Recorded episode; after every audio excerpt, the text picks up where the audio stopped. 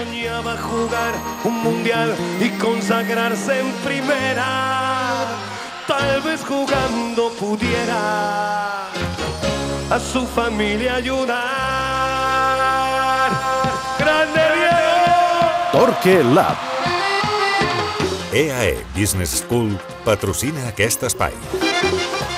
Ara en parlàvem, el Barça arriba amb dubtes a aquesta setmana crucial eh, de temporada i ho fa perquè el seu futbol està lluny del que imaginàvem. Ricard Torquemada, bona tarda. Bona tarda. Clar, el fidel reflex de la frenada del Barça és la teva narració del, del partit d'ahir, amb una primera part que, diguem, et va deixar prou satisfet, deixem-ho en la primera mitja hora, Sí, però de sí. sobte l'equip s'encalla, que- jo diria que és una bona metàfora del que ha passat de l'aturada cap aquí, Mallorca, San Siro i ahir contra el Celta. I arriba la pregunta, que per això tenim un laboratori, que és per què? Doncs el laboratori no ha, no no ha trobat proves eh, concloents sobre el que continuarem treballant en el laboratori. La veritat és que el partit d'ahir és un partit que a mi m'ha deixat molt desconcertat. És d'aquells partits que quan me'n vaig del Camp Nou i vaig cap a casa i vaig pensant i van passant les hores i, i, no, trobo, i no trobo una explicació concloent per, per detectar eh, quina és la tesi. Sobretot perquè probablement si valorem aquests tres partits, que han estat tres partits, diríem que mm, més aviat fluixos, eh, potser no tenen la mateixa tesi tots tres i sempre tenim la necessitat de buscar motius que ens donin respostes als nostres dubtes. Doncs jo tinc la, la gairebé convicció que els tres partits han estat mm, en paisatges diferents i que per tant els hauríem de valorar per separat, eh, que no vol dir que hi hagi alguns trets en comú eh, en els tres partits, però no crec que es puguin explicar per la mateixa via i, eh, i això és el que, mm, si més no, no he estat capaç de trobar, diríem, un, un motiu que, que diríem que, que atrapi els tres partits i que ens pugui ajudar a dir com podem sortir d'aquí. Mhm.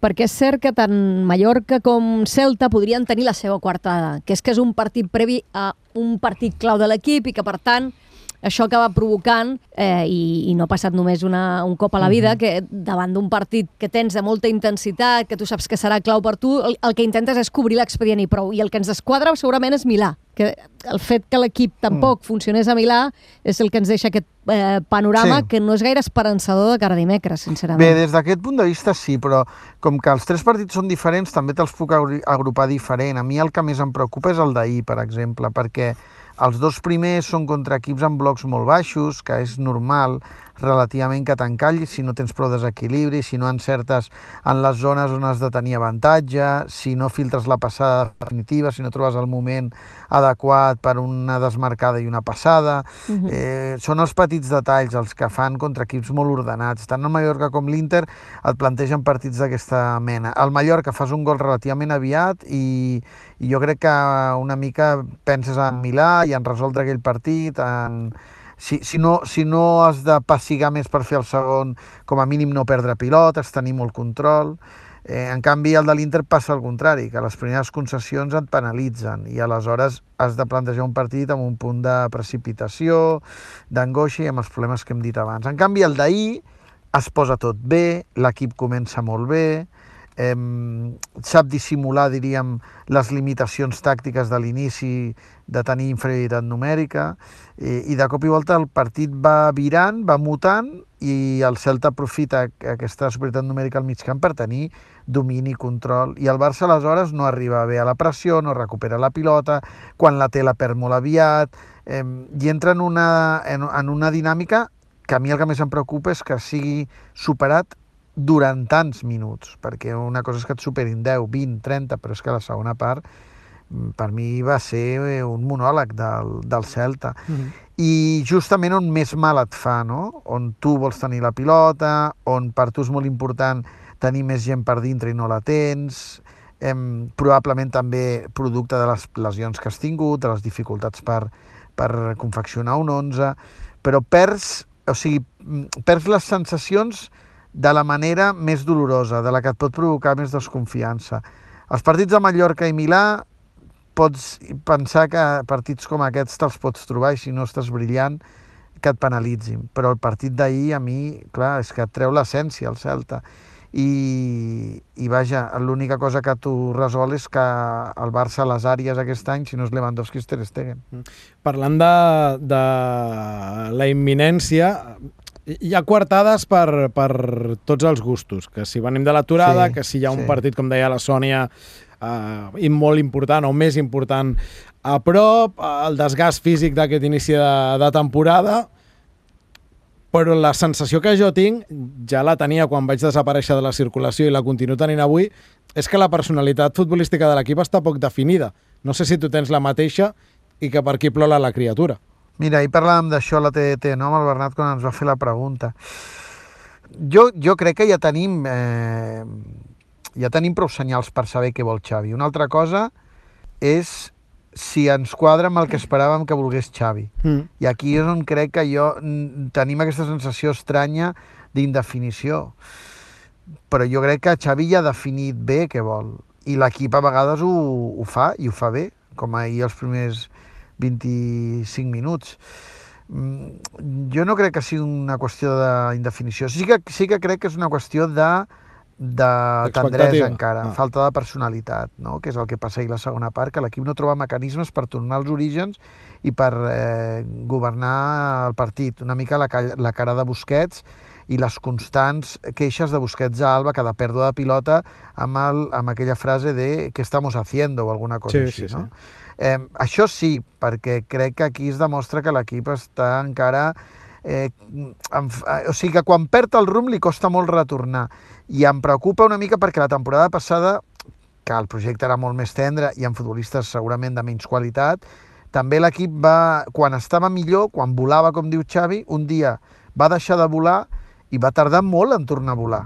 Vaja, ben bé, no sé si va, va, va tornar a volar diríem que amb les dues ales i això és una mica el que em recorda aquesta sèrie de partits abans de l'Inter i el Madrid, que l'equip ha passat de fer molts gols a fer-ne pocs, de crear moltes oportunitats i tenir molta riquesa ofensiva a tenir-ne poca, de ser molt segur defensivament a concedir moltes més oportunitats en tots els partits, perquè no oblidem que fins i tot el Mallorca va tenir opcions clares sí, sí. com ahir el Celta. Mm, I aquí és on som en aquesta fase de trànsit que hem de passar, que hem de confiar que l'equip contra l'Inter al Camp Nou dimecres eh, de, de la mateixa manera que ha perdut una mica el rumb el recuperi mm, i que Xavi sàpiga diagnosticar exactament què ha de fer, perquè una cosa que també té en comú és que crec que han estat partits que demanen intervenció tàctica de Xavi i Xavi ha intervingut a la seva manera i no sé si tampoc ha estat eh, del tot encertat com els futbolistes. Demà sentirem eh, Xavi i en tornarem a parlar, però deixa'm que et pregunti pel plantejament de dimecres, perquè tu vas defensar eh, que a Milà la idea bona era la de tres centrals, Ah. amb els matisos que després va introduir eh, Ah. Xavi. Eh, creus que de cara al partit del Camp Nou s'ha de mantenir aquesta idea?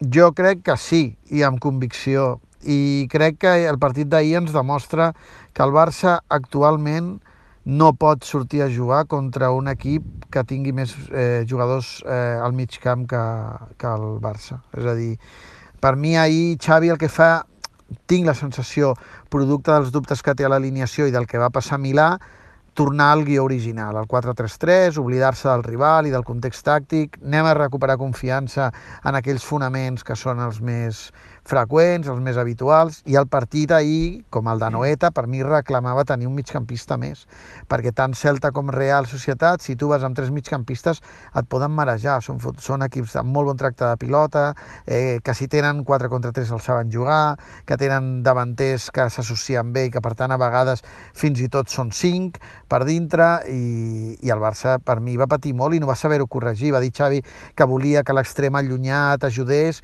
doncs no va ajudar prou o no va tancar prou, però la qüestió és que el Celta eh, eh, va fer un nus al Barça en aquesta zona. Eh, L'Inter no juga amb quatre migcampistes, juga amb tres, però com que juga amb dos davanters, jo crec que és un altre dia per tenir el 4 contra 3. És veritat que cap dels dies que el Barça ha jugat amb el famós quadrat, perquè no és romba en el cas de Xavi, sinó quadrat, l'equip no ha fluït. però jo crec que és gairebé obligatori que el si Barça torni a ser valent, eh, més valent fins i tot del que va ser a Milà. El partit ho reclama, el Camp Nou també, i per mi tres defenses, quatre migcampistes, i avui sí, ja ho dic, que els dos jugadors de banda siguin els extrems, estiguin millor o pitjor, és la declaració d'intencions que toca. L'Inter vindrà amb la idea de repetir la segona part i, per tant, d'intentar aguantar al màxim al darrere i esperar alguna acció aïllada. Doncs el Barça no ha de dubtar que ha d'anar endavant i l'ha de trepitjar com el va trepitjar, com va trepitjar ahir el Celta els primers 20 minuts quan el Celta va sortir una mica prudent no crec que hi hagi una altra direcció possible. Doncs veurem què tria Xavi, si coincideix amb el Ricard, que ha de repetir, evidentment de manera millorada, eh, de manera millorat eh, el guió de, de San Siro i, i si és capaç de treure l'equip d'aquest ensupiment futbolístic que li hem percebut en els tres últims partits. Ricard, en parlarem. Gràcies, una abraçada. Igualment, adeu.